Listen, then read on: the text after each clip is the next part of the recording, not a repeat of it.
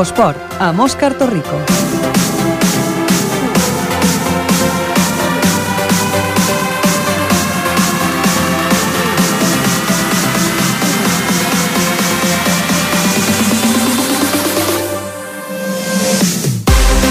Molt bona tarda, benvinguts a l'Infoesport, el programa on repassem l'actualitat esportiva de la ciutat, d'aquí de Ripollet. Com cada setmana, començarem amb el repàs dels resultats i després ens endinsarem en el menú que us tenim preparat, molt interessant i molt variat. Al comandament, al Jordi Puy, comencem amb el repàs dels resultats.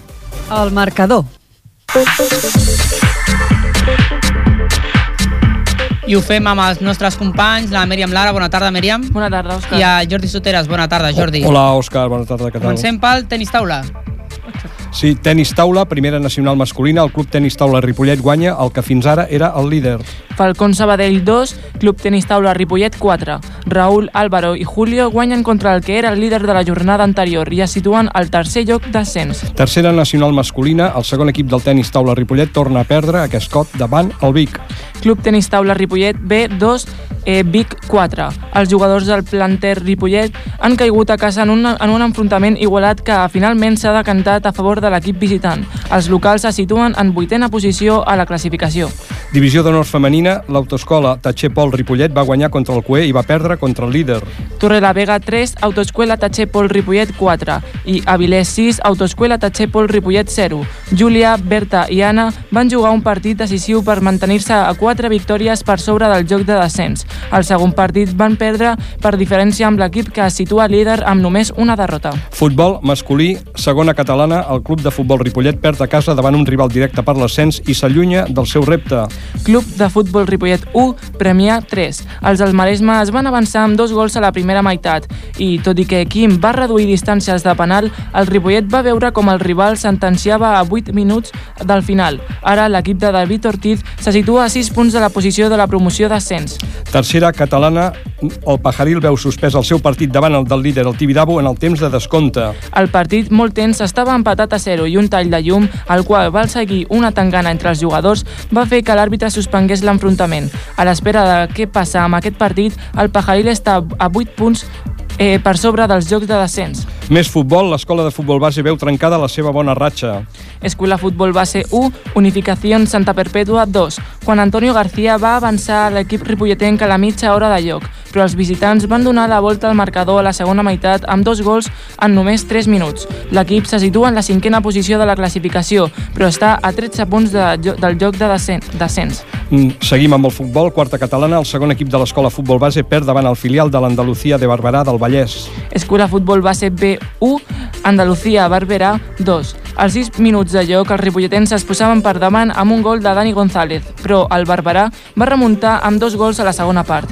L'equip segueix tancant la classificació del grup 15, sense conèixer encara la victòria després de 16 partits. Més futbol, també el grup 15 de quarta catalana, el Camp Mas, cau golejat davant un equip de la part alta de la classificació. Esquerra, esquerra de l'Eixample B5, Camp Mas 1. L'equip va aguantar la primera meitat i va arribar al descans amb un gol encaixat, però es van desinflar en el segon temps. El gol d'honor el va fer Pere Eras, que va sortir des de la banqueta.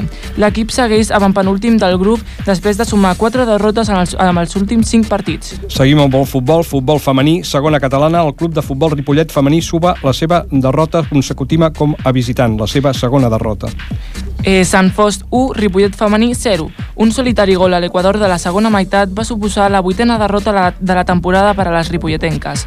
L'equip és setè a la classificació amb 17 punts en 15 partits. Futbol sala masculí, tercera divisió nacional, el futbol sala Ripollet suma 5 victòries consecutives per primera vegada a la temporada. Ripollet 9, Caldes 3. 3 gols d'Òscar Prieto, 3 de Juan Martín i un de Sergio Oruj, Toni Moreno, Mo- Moreno i Miguel Alijarte.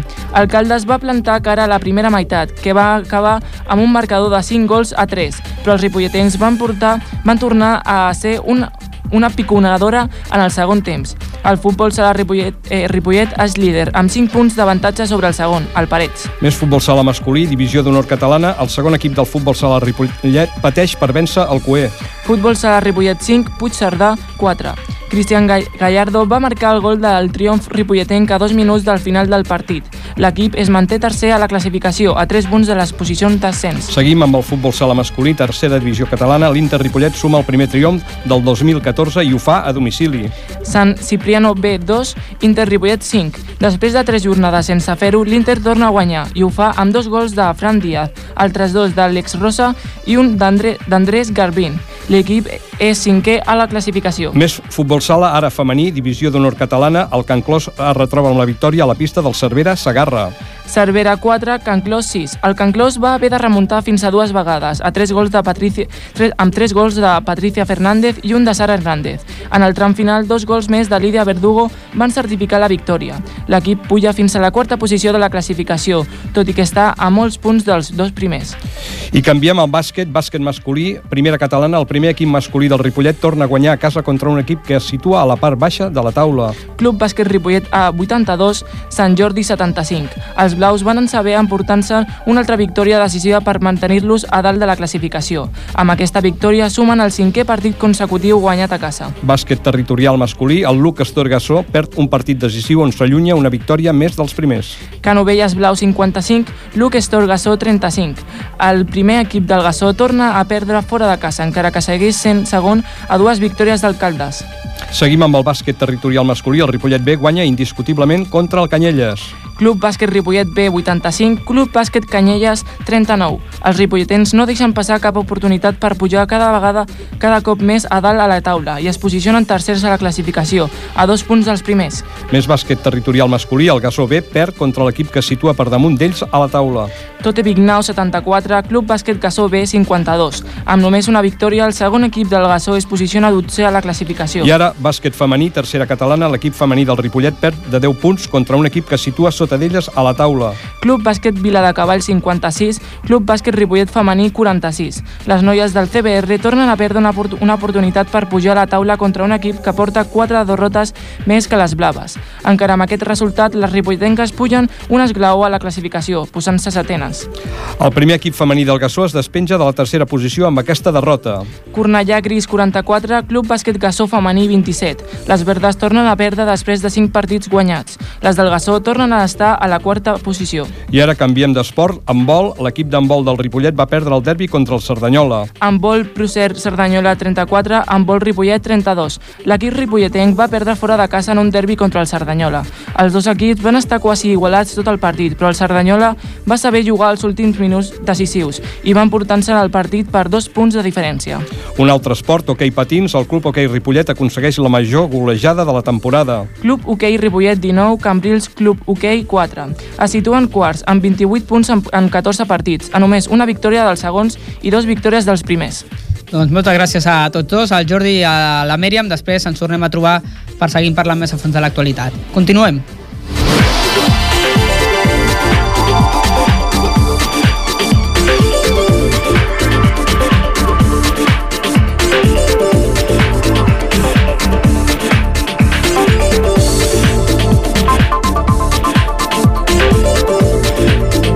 Futbol, futbol, futbol. Doncs com escolteu, començarem parlant de futbol i ho farem amb el Jordi, que segueix aquí. Jordi. Sí, hola, Òscar, altra vegada. I parlarem del Club de Futbol Ripollet, que aquesta jornada doncs, que ja ha derrotat a casa 1 a 3 contra el Premià. Sí, eh, s'ha de fer menció. Abans del partit es va fer un minut de silenci per la mort de l'exjugador Ramon Sau, que tristament va morir pues, de, de forma sorpresiva. Bon partit, veure, vam veure en realitat un bon partit a, en el camp del Ripollet, amb un gran adversari, molt superior en atac a la primera part, amb un joc fantàstic per la categoria de segona catalana. Realment el Premià jo sempre soc molt crític amb el joc i en aquest cas el rival, la proposta va ser del futbol, ja també ho fa el Ripollet, però en aquest cas va venir un equip que, és, que en realitat és complicat, és un equip que, que és molt bon equip. De... És un gran candidat a l'ascens. Sí, sí, sí, jo crec que és, que, que és un equip que si no fa primer estarà a la promoció perquè és molt, és molt, molt bon jugador. Mm -hmm. van fer, tenen molt bons jugadors. De fet, van fer un gol directe de corna, una autèntica meravella. Corna, mm -hmm segon pal i el porter no la pot agafar. Una pilota que, que puja i baixa com perfectament per, per, per entrar en el segon pal. De totes maneres, el futbol dona per fer gols de moltes formes i amb un xut a porta des de fora de l'àrea per part del Ripollet hi ha, hi ha, una, mà dins, hi ha una mà dins, la veu l'àrbitre i senyala penal, tira Quim i marca l'1-2. Abans l'equip del Premià, primer de córner i després amb una jugada va fer es va posar 0-2, exactament. Mm -hmm. A la segona part, el Ripollet va modificar la forma de pressionar i va dificultar molt més les evolucions atacants del Premià, que es van fer forts enrere per conservar el resultat. Encara van fer per un altre gol en una contra amb un control d'un jugador premianem segurament amb la mà. Realment vam veure un equip visitant el Premià de Mar amb jugadors de molta qualitat i seriós candidat a l'ascens. Dir també que l'entrenador local David Ortiz va ser expulsat per tercera vegada en aquest campionat uh -huh. i en aquesta ocasió, segons ens han dit, sense motiu aparent. De totes maneres, és un entrenador que comunica contínuament amb els liniers i a vegades... Sí, a vegades doncs, l'àrbitre no, no és tan permissiu. Bueno, els àrbitres jo penso que els has de deixar tranquils perquè si l'entrenador es dedica molt a veure què és el que fan els àrbitres, que prou mm. feina tenen, el que fas és deixar de veure el que passa en el camp. Clar. Doncs aquesta setmana arribava al club de futbol Ripollet un nou jugador, el nou, el nou, número 9, eh? El davanter que demanava el Jordi durant moltes setmanes, que, que, que, que vèiem i que havíem parlat amb el David Ortiz que potser es necessitava. Finalment el cos tècnic ha trobat aquest jugador, que és el Carlos Mellado, i que em sembla que el tenim a l'altre costat del telèfon. Carlos, bona tarda. Hola, bona tarda. I benvingut. Muchísimas gracias. Jordi, tot teu. Bueno, Carlos, hola, hola buenas tardes. Buenas has, tardes. has, cambiado de categoría, de hecho la categoría es bastante diferente en la que jugabas hace, hace nada, 15 días. Estaba en tercera, en tercera en, con el... Con el Sardañola, mm. ¿no? Exacto. Exacto. ¿Qué sensaciones tuviste ayer en el partido? Primero desde el banco y luego en el campo. Bueno, sinceramente, te corrijo o permíteme decir, vuelvo a una categoría, ¿no? Porque, bueno, eh, lo dejé con el Sardañola en principio, pues eh, el fútbol había pasado a la mejor vida, pero bueno, pues siempre te queda ese pequeño gusanillo, ¿no? Y ante la existencia de David, uh -huh. y, y, también eh, lastimosamente por la por la lesión pues, de, de, un compañero, ¿no? De, en este caso de David, uh -huh. pues bueno, eh, me he encontrado otra vez con el, en el mundo del fútbol. Volviendo a lo que es el, lo, a lo que es el partido, yo desde la primera, desde el la primera parte lo que sí que veo es que aún tenía, aún tenía muy cómodo jugando, técnicamente es un muy buen equipo, o sea, la verdad es que a nivel de medio campo pues eh, creo que que fueron bastante superiores. Y bien es cierto, luego pues en la segunda parte pues a ver, nos pusimos un poquito las pilas también con ese gol, eh, con el 1-2 eh, antes del descanso. Eh, empezamos a chuchar también a uh -huh. también pues, un poquito pues, de cortar esos balones aéreos, lo que que se cerraron muy bien. Y como bien decías, pues una jugada aislada de una contra donde sacan un córner, un gol de, bueno, un rechace frontal que con uno menos bajo mi punto de vista pues no tendría que no tendría que, que haber pasado. Si se lleva con la mano, yo, bueno, la apreciación dentro del campo es que la lleva con la mano, pero bueno, tampoco se le puede achatar al árbitro ese 1-3 porque creo que en líneas generales el premio fue, fue superior. Carlos, te oímos un poco mal, no sé si te puedes mover un poquito a ver si te podemos oír mejor, porque la verdad es que la comunicación es un poco difícil. No sé si me... Ahora no sé si perfecto, sí. mejor, Ahora y no te muevas. Y, se, y, seguimos, Carlos. ¿Qué cambiasteis en el descanso para conseguir que pre Premiano tuviera las prestaciones del primer tiempo? Bueno, realmente, a ver, eh, lo que se habló en la media parte es que, habiendo visto lo sucedido en el campo, estábamos estábamos en el partido, o sea, con un 2 realmente, de irte con un 0-2 como aquel que dice la cosa. Sí que es cierto que pues eh, Premia había tocado más y, y, mejor, quizá, pero a nivel de ocasiones claras tampoco recuerdo que, que, hubieran tenido un número muy elevado de ocasiones como para irse con un 0-2 con un marcador tan amplio.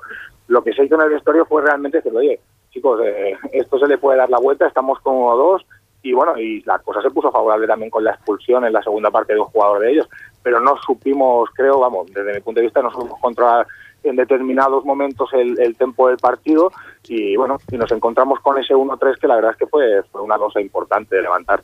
De todas formas, es un campeonato complicado donde hay muchas variantes, con muchos uh, adversarios que pueden estar ahí. Mm, falta aún, falta aún, no sé si son 12 partidos, me parece, no sé, algo así. Mm, ¿Qué sensaciones tienes tú para de aquí a final de campeonato?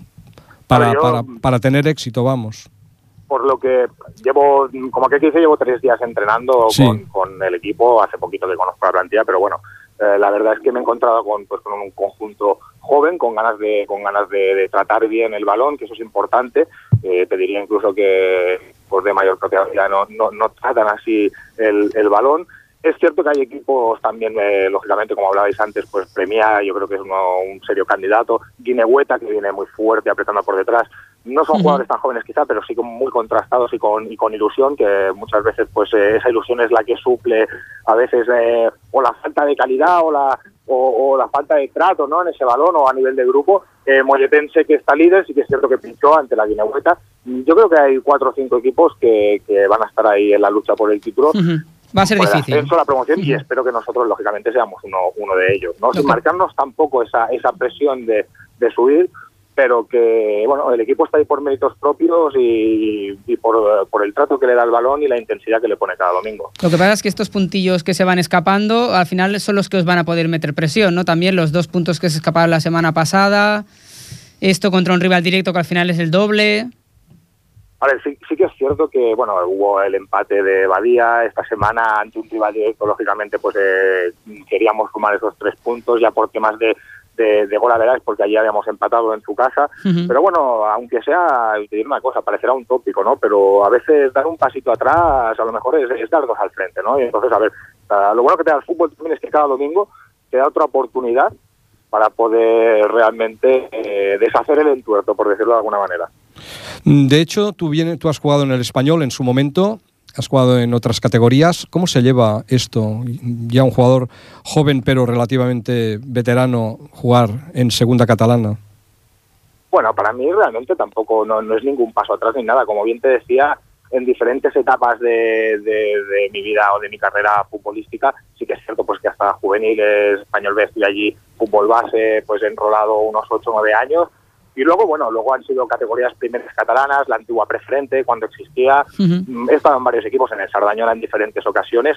Yo soy de la opinión que, que cada categoría tiene su dificultad y, y también tiene su manera, eh, no sé, por Sus decirlo de retos, alguna ¿no? manera. Exacto, o sea, y, Sí, pero, eh, pero lo que es complica- complicado, Carlos, para mí es estos zambombazos, ¿no? Este no jugar a fútbol, este, este peloteo, ¿no? Este, este pegarle patadas a algo redondo, ¿verdad? En un jugador pues que, que, que, que viene... Un te, jugador encuentras, de- te encuentras- yo te puedo decir que he estado en equipos que se ha tocado la pelota, en otros que no se ha tratado tan bien, no le voy a decir pelotazo, y estando jugando normalmente, porque yo, bueno, yo soy un jugador que juega, juega en ataque, la verdad es que cuando el balón, el balón se toca y se van a jugadas y hay una alguna claridad en el juego, el de arriba lo agradece. Porque muchas veces eh, el lidiar con centrales normalmente más altos que tú, más fuertes, eh, balones aéreos, pues la verdad es que es complicado. Pero yo ya te digo, lo poco que he estado aquí, por los entrenos que he visto hoy este domingo, eh, es un equipo jovencito y, y la verdad es que No, estoy no, no, sí, en sí. sentido por, por el trato que se le da al balón. No, en, esto, en esto es real, ¿eh? es un equipo que su pretensión es jugar a fútbol, co- cosa que hacen muy pocos, ¿no? Y esto es de agradecer de cara al público, eso sí que lo tenemos claro. A ver cómo, cómo acaba esta, esta, esta identidad de juego, a ver si, si, si sigue llegando el equipo para arriba y puede estar ahí en la, en la lucha final de temporada. Pues muchas gracias, Carlos, y suerte. Que tu Pues suerte será la del gracias. equipo. Muchísimas gracias a vosotros. Suerte. Buenas tardes. Hasta luego. Un abrazo, buenas tardes. Adiós. Buenas tardes. Infosport.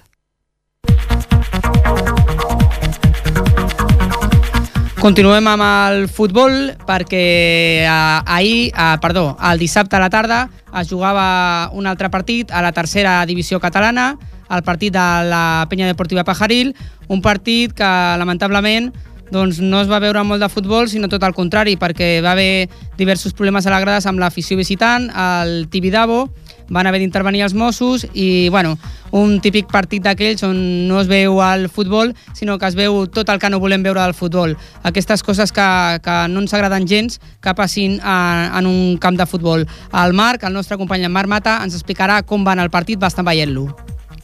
Bona tarda. Bona tarda, Òscar. Dissabte a la tarda la penya deportiva Pajaril es va enfrontar a casa contra el Tibidabo, el primer de la classificació. Va ser un partit amb molta expectació a la grada, plena de gom a gom. La primera part va ser molt disputada per amb dos equips, un Pajaril molt seriós en defensa i un Tibidabo que no donava la imatge d'un líder. Així va acabar la primera part, 0-0. Només animada pel trist espectacle ofert per l'afició sabadellenca que va obligar a venir dues patrulles dels Mossos. La segona part va començar amb un pajaril volcat a l'atac i un Tibidabo tancat al seu camp. La pèrdua dels papers de l'afició del Tibidabo van fer que fossin desallotjats per una vintena de policies. Al terreny de joc, sense un joc molt vistós, Tancats al darrere i pilota amunt, el Pajaril va començar a dur el perill a la porteria contrària, amb un Tibidabo que va treure el pitjor d'ells amb un joc brut que fregava la violència. En el minut 80 va arribar la, la jugada més clara de gol on un jugador del Tibidabo va treure la pilota de sota els pals in extremis. En aquest moment, l'emoció era màxima tant a la grada com en el terreny de joc. Així, en el minut 85, un jugador del Tibidabo va ser expulsat per tallar una pilota amb les mans deliberadament. A partir d'aquí ja no hi va haver més futbol. Cops, agressions, targetes i un àrbitre superat per la situació. Al final, davant la situació, en el temps de descompte, es va anar a la llum i l'àrbitre va suspendre el partit, assistit pels Mossos d'Esquadra que van entrar a ajudar-lo a sortir del camp enmig de les picabaralles dels dos equips i els insults dels jugadors del Tibidabo cap a la grada. A hores d'ara, oficialment el partit està suspès, tot el merescut empat aconseguit pel Pajaril. Els d'en Javier Parela se situen dècims amb 24 punts, còmodament al mig de la, de la classificació. La setmana vinent s'enfronten al Sant Pere Nord, que van dotzents amb 22 punts. Quan va acabar el partit vam parlar amb l'Ignasi Minuesa, que ens va explicar com va veure el partit. Ha sido un partido muy complicado, un partido muy duro y con muchos encontronazos continuamente durante todo el partido, pero, pero bueno, al final hemos sacado un punto que era muy bueno contra el líder y contentos. Os habéis enfrentado al Tibidabo, que va en el primer puesto, es el líder, pero han tenido que intervenir los Mossos de Escuadra. ¿Cómo lo habéis visto? Bueno, pues eh, ellos, ellos estaban nerviosos desde el principio porque tenían que mantener esa primera posición en la liga y el, el propio nerviosismo supongo que ha desencadenado en, en, pues eso, en la trifulca final. Hemos visto mucha tensión en la grada y en, y en- y- y en el campo. Esto supongo que os ha hecho estar muy nerviosos. Sí, sí, bueno, no- nosotros, bueno, nosotros realmente no teníamos nada que perder, pero ya se nos ha planteado un partido que nosotros teníamos que plantar cara a este equipo, que es un equipo duro, que va, que va continuamente al choque y nosotros hemos plantado esta cara que teníamos que hacer y, y al final, pues, pues bueno, el punto. La semana que viene os enfrentáis al San Pere Nord, que va en el puesto número do- 12 con 22 puntos. ¿Cómo lo veis? Bueno, eh, partido será un partido también muy complicado en, en- en su, en su casa el sábado por la tarde, pero, pero bueno, eh, será un partido yo creo que menos duro en cuanto a físico y que yo creo que utilizando nuestras armas podemos sacar la victoria que queremos. Pues mucha suerte y muchas gracias. Vale, gracias. Doncs moltes gràcies, Marc. Eh, la, la veritat és que partits així eh, és el que no esperem veure en un camp de futbol i jo crec que algun dia alguna autoritat, ja sigui de la Federació Catalana o d'algun lloc, algú haurà de posar haurà de posar una mica de seny i acabar amb aquestes situacions que no són normals. I hi ha situacions, doncs això, els insults, les actituds del públic, fins i tot que escoltem moltes vegades i que des d'aquí doncs, rebutgem els insults i, la, i les amenaces als àrbitres, que hem escoltat fins i tot en camps d'aquí de Ripollet. Eh? Actituds que no es poden permetre i, i que no són esport. I la veritat és que no volem aquest esport. La, ho deixem ja perquè si no ens escalfem més i la veritat és que, és que no, no tenim ganes. Canviem d'esport, vinga. Amb vol. Amb vol. Doncs continuem amb l'handbol i el Club Handbol Ripollet que aquest cap de setmana tenia un partit molt molt important contra un rival directe a la lluita per l'ascens i també un veí, el Club Handbol Cerdanyola. El nostre company, el Ferran Rigat, ens explicarà com va aquest partit. Ferran, bona tarda. Bona tarda, Òscar. Tu mateix ho has dit, un partit molt important, primer eh, i segon contra tercer, eh, partit que podem entendre com a derbi, i si no la importància és quasi igual, i res, el primer equip de l'handbol Ripollet va jugar aquest cap de setmana un partit complicat contra el Prócer Cerdanyola al centre poliesportiu Guiera. El Correus, equip veí, eh, va imposar-se 34-32, eh, convertir-se en la segona derrota consecutiva de l'handbol Ripollet. El partit va estar igualat des del primer minut amb alternances per als dos equips, arribant a la mitja part amb 17 a 16. Els ripolletens es van mostrar forts en tot moment i amb idees en atac, però els rivals van estar molt més connectats i intensos, fregant la duresa pròpia d'aquesta competició. Tot i que els, els extrems del Cerdanyola estaven més pendents d'incordiar els rivals que, que no pas de la pilota. Al final del partit, els ripolletens anaven darrere del en el marcador amb només un, un sol gol de diferència, fins al 34-32 final. El primer partit de la segona volta ha fet que Ripollet i Cerdanyola quedin empatats i just per darrere dels, i els dos per darrere dels Bordils. Uh, parlem amb l'Adrià Jordana, el capità. Uh, bona tarda, Adrià. Bona tarda. Hola, bona tarda. Uh, segona derrota con uh, consecutiva, per així dir-ho. Us preocupa aquesta derrota? Home, no- ens preocupa del tot perquè tant la, sem- la, la setmana passada com aquesta hem, vam jugar, hem jugat bons partits, la veritat. Hem perdut els dos partits per dos gols només, o sigui que no, en, en realitat no, no és preocupant. Sí que és veritat que juguen contra els dos de dalt i que eren partits importants, però bé, encara queda molta lliga i no, no ens preocupen les, les derrotes. Uh, tu mateix ho has dit, vau jugar molt bé, un partit molt igualat. Què creus que us va faltar per aconseguir la victòria? Potser ens va faltar una mica de defensa, perquè 34 gols són, jo crec, massa gols, la veritat. I en moments claus del partit, com va ser al final de la primera part i al final de la segona, ens va, ens va faltar defendre una mica millor, la veritat. Uh, justament la defensa sembla que és un problema que aneu arrastrant mm, més o menys uh, al llarg de la temporada. Ho treballeu en especial o el, el Santi té alguna cosa pensada? No, anem, anem entrenant bastant fort els entrenaments, la defensa, però sembla que els partits ens costa una mica més posar-nos, la veritat. Atac, ataquem bé, ho fem bastant bé, però en defensa sembla que desconnectem una mica i la veritat és que els rivals ho aprofiten. I és, jo crec que és un tema que hem de millorar aquesta segona volta, la veritat. Si volem aconseguir l'ascens, hem de millorar bastant la defensa. I us, creus que us va, us va poder, poder, poder la pressió d'aquests dos partits? No, no, jo crec que no, la veritat. Perquè el, la setmana passada el Bordils era contra el primer, que era el líder, havia perdut només un partit i era allà al seu camp, o sigui que no, era un partit que relativament es podria perdre, només van perdre dos gols, que el gol a veraix és factible que el recuperem, i aquesta setmana contra el Sadanyola sempre són partits molt durs i que sabem que sempre són igualats, o sigui que ja sabíem que seria un partit així i vam, jo crec que vam donar la cara tot, tot el partit, no, la pressió no ens va, no ens va poder. A més, va aguantar, vam, vam aguantar el gol a baraix, aquí havíem perdut, havíem guanyat dos gols, ja ja vam perdre dos gols, però com hem marcat més gols fora de casa, hem mantingut el gol a baraix, que a la classificació general jo crec que serà important. Tal com està el grup, serà important. És, és important que seguiu segons. Uh, també teniu un bon coixí, les coses s'han de dir, ho esteu fent molt bé i tu mateix ho has dit, en atac no us falten per res idees. Doncs res, mm, I, i bueno, que en principi pugen, fan la promoció els tres primers, no, Adrià? Els tres primers pugen directament. Ah, pugen directament. Sí, Llavors, sí, sí. bueno, esteu en aquestes posicions, us manteniu i, i bueno, de moment doncs, hi, ha, hi ha una bona situació a la classificació que no, no fa patir, no?, com a mínim. No, no, no, i a més ara els, els 4 o 5 partits que venen ara són en teoria contra rivals més assequibles, que són Mhm. contra els que venen, van per sota de la, de la Lliga, i en teoria hauríem de guanyar bé. Aquests són els que no es pot altra- fallar, eh? Aquests són els que després, a final de temporada, es troben a faltar els punts si, si es fallen. Sí, sí, sí, per això és important guanyar i és important guanyar de la màxima diferència de gols possible. Per al final de temporada els, els, els equips que estem igualats comptarà molt la diferència de gols. Per tant, hem de continuar amb aquesta línia que portem i hem de continuar guanyant. Mm -hmm.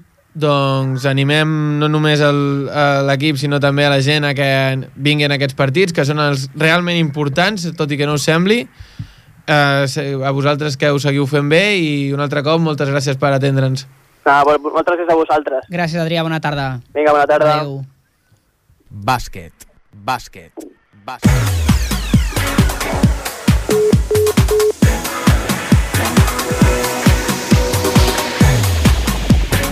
Doncs continuem i ho farem eh, amb una notícia que no és de l'actualitat d'aquest cap de setmana, però que creiem que és molt, molt interessant perquè un jugador de bàsquet d'aquí de Ripollet, que potser molts de, de vosaltres coneixeu, coneixeu perdó, el Roger Vilanova, que juga al Club Bàsquet Prat, eh, vinculat al Joventut de Badalona, doncs el dia 2 de febrer va aconseguir eh, el campionat de la Copa Le Plata amb el seu club, amb el Club Bàsquet Prat. Per parlar-nos eh, del Roger i parlar amb ell, tenim a la nostra companya, l'Ester Catalán. Ester, bona tarda. Bona tarda, Òscar.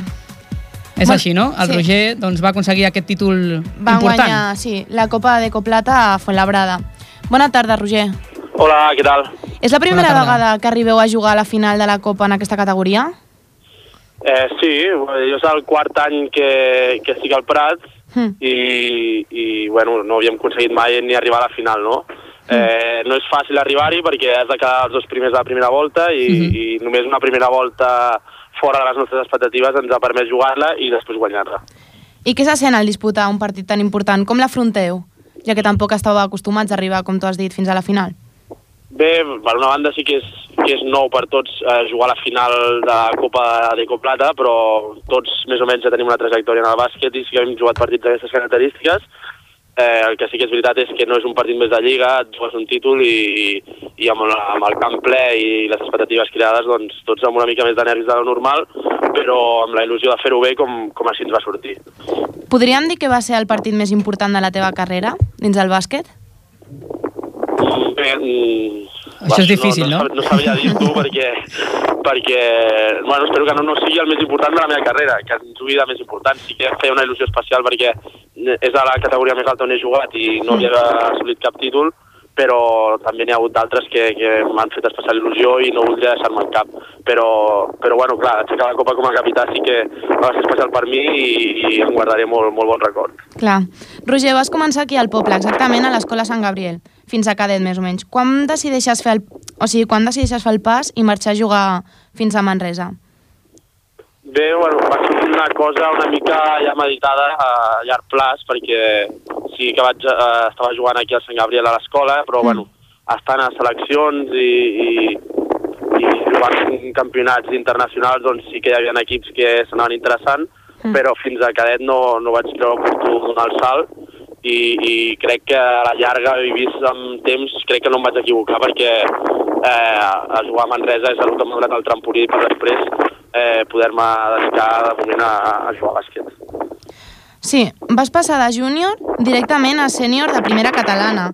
Com va ser aquest, camí, aquest canvi per tu? Va ser un canvi molt dur? No, eh, ja més o menys eh, quan jo era júnior ja vaig estar jugant amb el segon equip de Copa Catalunya de Manresa i entrant dos o tres anys amb el primer equip i ja més o menys ja et vas acostumant a, a jugar, a jugar amb, amb equips sèniors que, bueno, com tots els que juguem a bàsquet sabem que és un canvi important de, de passar de júnior a sènior, no? Mm. Jo, en el meu cas, ja aquest canvi ja el vaig anar fent paulatina, paulatinament i, i, bueno, un cop anar allà, doncs sí que costa més competir-hi, mm. però, bueno, jo crec que ho vaig portar bé. Quin creus, o què em podries dir, quin és el teu major potencial? La tècnica, el físic, dins d'aquestes categories? No, va, físic, el físic està clar que no. Però... Per què, per què? Home, sent el base, ets el, el... dels més baixets, no, de l'equip? No, el físic està clar que no, perquè és, no, no només per ser el base, sinó perquè no, amb tots els bases que m'enfronto tots són més alts sí. i segurament més forts que jo, però si t'hagués de dir alguna cosa... Llavors alguna cosa diria... tindràs per guanyar-los. Explica'ns quina és. alguna cosa tenim. Eh, sí, jo crec que la tècnica individual sí que des de, des de petit ha sigut el que més m'ha fet destacar, no? I, i ja arribat, ara passats els anys doncs sí que tinc una visió del joc i, i una experiència que suposo que és el que em fa poder competir amb altres bases que físicament són millors que jo. Uh -huh. I la constància, sobretot, eh? perquè segur que molta gent potser t'ha vist allà fent canastes al poliesportiu. No, no sé quan, quan, quant de temps entrenes o, o quant de temps entrenes fora de l'entrenament, que això també és important, no? Bueno, l'estiu, tots sabem que quan van passant els anys i ja no ets tan jove, sempre l'estiu costa més, el temps que estàs parat costa més eh, mantenir la forma, no? Jo sí, el que sí que intento transmetre amb els nanos que jo entreno i això, és que jo quan era petit sí que és veritat que dedicava un munt d'hores fora dels entrenaments d'equip a, a millorar el tir, a millorar la tècnica individual i jo crec que és un factor clau a l'hora de, de, de després poder competir. Ara ja de gran sí que intento desconnectar una mica més amb el, temps, amb el meu temps lliure, però de petit sí que dedicava moltes hores. Mm -hmm. Però clar, en aquestes categories el físic també és important no? per poder estar a, a dalt de la taula, diguéssim. Llavors, com treballeu la pretemporada i com us manteniu a to al llarg de la temporada? Bueno, sí que és veritat que jo, mm, no sent un jugador que destaca pel seu físic, sí que l'he millorat molt des de que soc sènior a base de treball d'hores de, de coses que no són tan agraïdes, no? de, mhm. de pista d'atletisme i, i gimnàs i peses.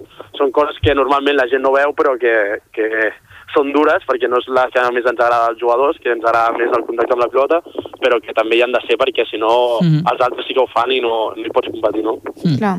Eh, com has dit abans, actualment ja portes quatre temporades no jugant a l'Ep Plata. Aquesta és la meva quarta. Vale. I llavors, en aquesta categoria, pots viure només del bàsquet?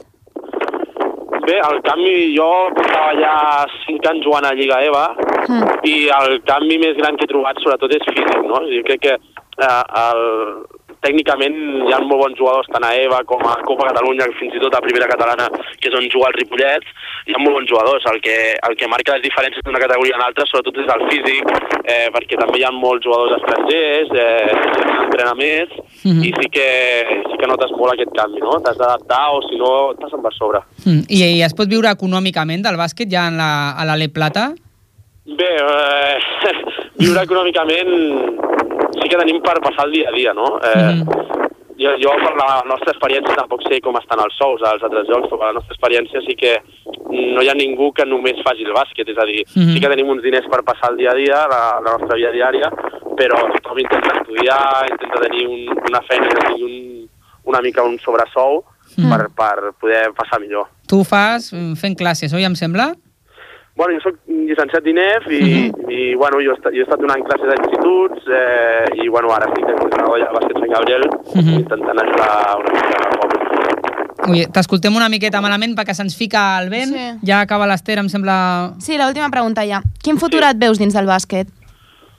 Bé, de moment jo mm, tampoc em poso unes metes molt, molt ni molt altes ni Mm. mm. molt llunyanes. De moment intentar acabar la temporada el millor possible. Eh, aquesta temporada realment les expectatives són altes perquè eh, tenim una oportunitat d'adornar la Copa amb l'ascens Mm. i disfrutar-ho i més enllà d'aquí, si sorgeix una bona oportunitat perfecta i si no, doncs ja encarar altres, altres vies a la meva vida, altres vies professionals i, bueno, de moment seguir, seguir disfrutant del bàsquet, que és el que m'agrada. Mm. De tota manera, el CB Prat, on tu jugues, és un equip vinculat al joventut. Veus alguna oportunitat, pensant que el joventut és un equip que compta molt amb la cantera, o, o bueno, això és una cosa molt complicada, no? Són paraules és difícil, majors. És difícil perquè de, de base, diguéssim, d'origen, Mhm. els, els rols ja estan una mica assignats i, i eh, sí que compten molt amb la cantera, però el, el rol que ens assignen a, a mi com a altre, als altres veterans de l'equip són Mhm. més aviat de, de completar l'equip Sí. i poder compensar la joventut de, de la Mhm. resta de l'equip. I ajudar els joves a que, a que vagin progressant no? en, en aquest segon equip. realment jo he pogut compartir vestidor amb, amb jugadors que ara estan jugant a l'èlit i, i bé, sí que amb una petita part sí que et sents un, una mica que has col·laborat en, en la seva formació i, i que hagin pogut arribar tan a dalt. Molt bé. I et plantejaries en un futur tornar al Ripollet un altre cop? O et vols... Sí, és una cosa, Sí? de fet, jo ara, els últims anys, sempre que acaba la temporada i que ells encara estan competint, sempre els demano a veure si puc seguir entrenant amb ells per, Mm. per no deixar-ho del tot. Eh, tinc molts amics, tinc la família i sempre, sempre ho tens en allà, no? Em faria Mm. especial, especial il·lusió tornar a jugar a Ripollet i, i bé, quan no em poso una data, que sempre me la pregunten, però, però bueno, cada cop està clar que anem fent anys i, i el temps passa i cada cop està més a prop, no?, el retorn. Però encara- O sigui que sí que em faria il·lusió. Encara no vols que sigui molt propera, no? Deixem-ho i ja, ja arribarà. De moment... Bé, no, no, no em su- suposaria cap trauma, la veritat. Vull dir, mentre ho pugui, pugui anar jugant a, aquesta, a aquest nivell, doncs seguiré, Mm. i si no, tornaré al Ripollet i encantat, i m'ho passaré molt bé segur. Doncs moltes gràcies, Roger. Moltes que, gràcies. Que vagi molt bé i que tardis una miqueta en tornar perquè això voldrà dir que estàs fent molt bones coses i que estàs aconseguint coses importants. Molt bé, moltes gràcies. Bona tarda. Gràcies. Adéu. Tenis taula. Tenis taula. Tenis...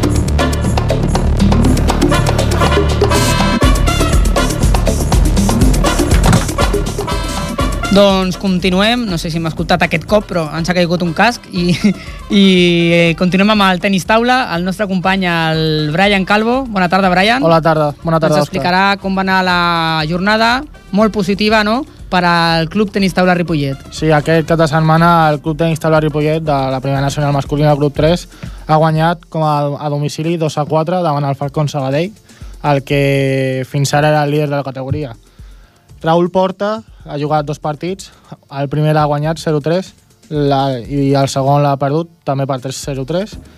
Eh, L'Àlvaro Barrenche també una victòria i una derrota i el Julio ha sigut l'home en qui s'ha consolidat la victòria amb dues victòries per 3-0. Eh, el partit com a resultat ha sigut força igualat, però sí que s'ha de destacar que cada punt s'ha decidit eh, per la via ràpida, amb 3 a 0, exceptuant l'últim, el sisè, l'Àlvaro, que ha guanyat per 1 a 3.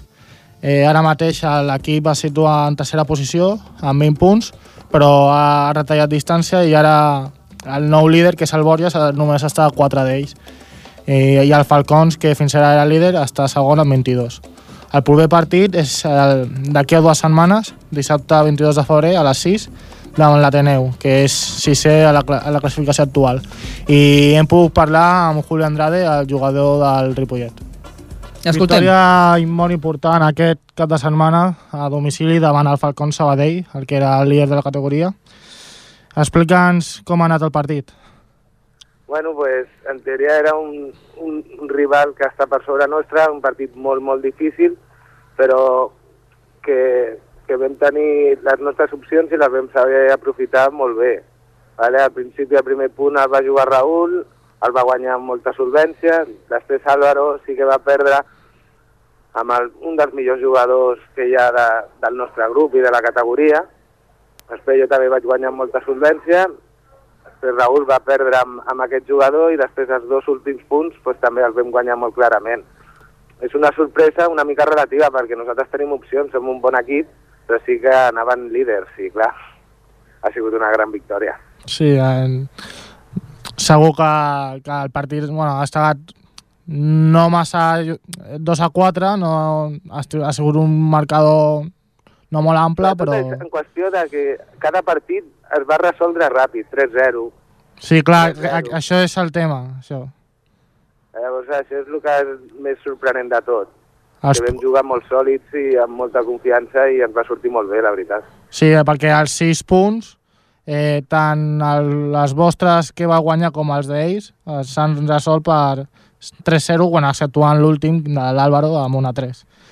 Sí. Bueno, eh, personalment, eh, has, bueno, has realitzat un gran partit, els dos punts que has jugat els has guanyat. Eh, com valores la teva temporada fins ara? Pues, jo pel meu gust eh, no estic sent lo regular que a mi m'agradaria ser. Ara, pues, després del paron de Nadal, que, que sí que a mi m'ha fet mal, pues, estic començant a, a tornar un altre cop al, al millor de forma i això pues, l'estic notant i una altra vegada estic jugant a un bon nivell. Però de- després de Nadal m'ha costat, la veritat. He tingut molt bona ratxa. Els tres primers classificats us trobeu a tan sols 4 punts de, de distància. Creus que entre el Borges, el Falcons i vosaltres, el Ripollet, es troben els, els dos equips que al final lluitaran per l'ascens? Home, la lògica diu això i, i al final jo crec que sí. L'únic que hi ha un, un quart equip, que és el Sant Eulàlia d'Ibiza, que està una, una derrota només de diferència nostra, Mm. i aquest sí que pot tenir opcions, perquè és que els dos primers no punxen mai, i nosaltres pues, rarament punxem. O sigui que en teoria sí que crec que aquestes serien les tres primeres posicions al final de la Lliga. No sé en aquest ordre, però sí aquests tres aquí. Esperem que no i que el Ripollet pugui ser el primer. Ja, ja per, per acabar, eh, el proper partit d'aquí a dues setmanes davant l'Ateneu. Eh, com veus el partit? Quina predicció fas davant un rival que es troba ara mateix en sisena posició i que no està fent una mala temporada? Bueno, jo, jo crec que està en una posició que no se li correspon molt al nivell de joc que té aquest equip, perquè Sí. és un equip una mica trampa, vale? perquè té molt bon nivell. El que passa que jo, jo ens veiem favorits per aquest partit, jo crec que són millors. I si ho demostrem, pues, i tot va com lo normal, pues, el més raonable seria que guanyéssim. Vale, doncs esperem que pugueu guanyar el partit, que es compleixi l'objectiu per aquesta temporada, que no és un altre que l'ascens, i que tot vagi molt bé, tant a nivell d'aquí com a tu personalment, que, que acabis la temporada content amb tu. Moltes gràcies, Julio. Vinga, a tu. Bona tarda. Doncs moltes gràcies, Brian. Canviem d'esport, que se'ns acaba el temps. Febre d'esport. A aquesta secció, Febre d'Esport, sempre ens apropem als joves esportistes de la ciutat perquè ens expliquin com viuen la seva experiència esportiva. Avui farem amb un, amb un corredor d'atletisme del Ripollet Unió Atlètica, un corredor en categoria juvenil, que aquest cap de setmana, ahir concretament, va aconseguir el títol de campió de Catalunya en 3.000 metres en pista coberta. Eh, ens ho explicarà la nostra companya, la Mèriam Lara. Mèriam, bona tarda, una altra vegada. Bona tarda. I tenim al telèfon a Carlos Roguera. Bona tarda. Bona tarda. Hola, Carlos. Com t'has vist, en, com t'has vist en aquesta carrera? Eh, em vaig veure bastant bé, al principi una mica una mica fred perquè no havia aconseguit escalfar com m'agradava per uns canvis d'horaris, però a poc a poc vaig anar entrant a la cursa i força bé al final. Quina és la tàctica que vas utilitzar per posar-te el primer en els últims metres? Eh, doncs com ja havia parlat amb el meu entrenador, eh, esperar-nos fins les últimes dues voltes i intentant sempre no perdre a cap de la cursa i quan a falta de 400 o 300 metres eh, canviar i ja donar-ho tot fins, fins a línia de meta. Mm -hmm. Exacte, perquè els últims metres van ser molt decisius, ja que la diferència de temps entre tu i el segon corredor era mínima. Com, com vas viure aquest moment? Eh, bé, van ser uns moments de, de molts nervis perquè quan jo vaig canviar vaig veure que el segon classificat, un company de ja fa temps, que ja coneixia, va sortir rere meu i passant els metres i encara no, no es despenjava i mm. res, durant, durant alguns moments fins a arribar al final vaig dubtar de poder aconseguir la victòria. Mm, L'Àlex Méndez de l'Escó, no? que al final vas guanyar per mig segon de diferència. Sí, no, no es va deixar doblegar fins als últims metres. I és la primera vegada que et situes al pòdium en una carrera d'aquest nivell? No, la primera vegada no. Bueno, la primera vegada que guanyo sí, però l'any passat ja vaig, ja vaig aconseguir quedar subcampió a la prova de 1.500 metres i fa dos anys al, a la prova de 1.000 metres. En categoria cadet, no? Sí. Fa dos anys. Quines medalles has aconseguit aquest any? Eh, aquest any encara... Aquest ha sigut el primer campionat, però durant la temporada cross he aconseguit algun bon resultat, algun cross, pujar, aconseguint pujar anar al podi al segon o al tercer lloc. Uh -huh. I són molt complicats els entrenaments per aquest campionat? Home, eh, no, no són massa complicats, però el problema és entrenar sol la majoria de dies i, i uh, entrenar de nit i el, el mal temps de l'hivern. Mm -hmm. Clar. Quins atributs o característiques has de tenir per, per, ser, per fer mig fons? Eh, no, no són gaires els atributs que has de tenir. Eh, entrenar la velocitat, però no descuidar fer rodatges llargs i al fons i bé, tenir moltes ganes d'entrenar cada dia. Mm -hmm. I, però també has d'entrenar una mica al, al físic, no? Sí, bé, eh, preocupar-se una mica de quan pots anar al gimnàs i sobretot fer cas del que diu l'entrenador. Mm -hmm. com, va ser, com vas començar amb això de l'atletisme? Per acabar ja. Eh, Carlos. Vaig començar de molt petit, ja, amb 4 o 5 anys, perquè el meu germà gran eh, també va començar a fer atletisme i... Mm -hmm. Ja va picar el gossanet. Sí, ve, veient entrenar a les pistes cada dia em, mm -hmm. va, em va picar curiositat i també em va, també va, em va agradar i vaig començar des de molt petit. Doncs moltes gràcies, Carlos, i que segueixis tenint molta sort. Felicitats per aquest eh, títol de campió de Catalunya. Moltes gràcies. Bona tarda. Per acabar, tenim una darrera informació que ens explica el Brian Calvo. Brian? Doncs la Lídia Rico s'ha proclamat doble campiona de, de Catalunya del torneig internacional de l'EVI que s'ha celebrat aquest cap de setmana a, a Calella. Eh, de, de les dues medalles, la primera d'or serà penjat a la modalitat d'equips amb els seus companys de selecció Sergi Grau i Martí Palàs. Eh, destacar que la Lídia Rico actualment es, es, es situa a la segona posició del rànquing estatal a l'EVI i que és la primera catalana que guanya aquest torneig. Doncs moltes gràcies, Brian, i moltes gràcies a tots per escoltar-nos. Ens retrobem el proper dilluns a les 7 i 10 de la tarda. Bona setmana.